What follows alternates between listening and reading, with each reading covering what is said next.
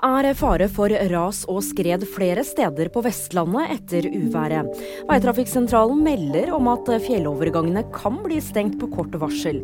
Etterdønningene etter ekstremværet Ingunn fører også til vanskelige kjøreforhold på veiene i Nord-Norge fredag morgen. Det har vært en storbrann i Nairobi etter en gasseksplosjon. Fredag morgen er det meldt om at to personer mistet livet, mens over 200 personer er sendt til sykehus. Brannen brøt ut på området til et lokalt selskap som er kjent for å utvikle vanntanker, og spredte seg til flere bolighus. Så hjem igjen. Det har vært et kioskran i Oslo. Fredag morgen så jakter politiet fremdeles gjerningspersonen som var maskert. Den ansatte i kiosken har forklart at det ble truet med det som så ut som et skytevåpen. Og mer om dette og andre nyheter finner du alltid på VG.